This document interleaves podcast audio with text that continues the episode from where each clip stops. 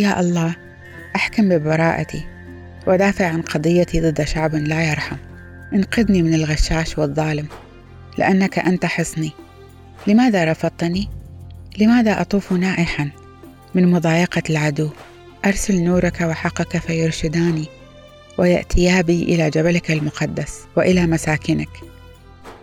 فأقبل إلى مذبح الله. إلى الله فرحي وأسبحك بالعود يا إلهي. لماذا أنت مكتئبة يا نفسي؟ لماذا أنت قلقة في داخلي؟ ترجي الله فإني سأظل أحمده لأنه عوني وإلهي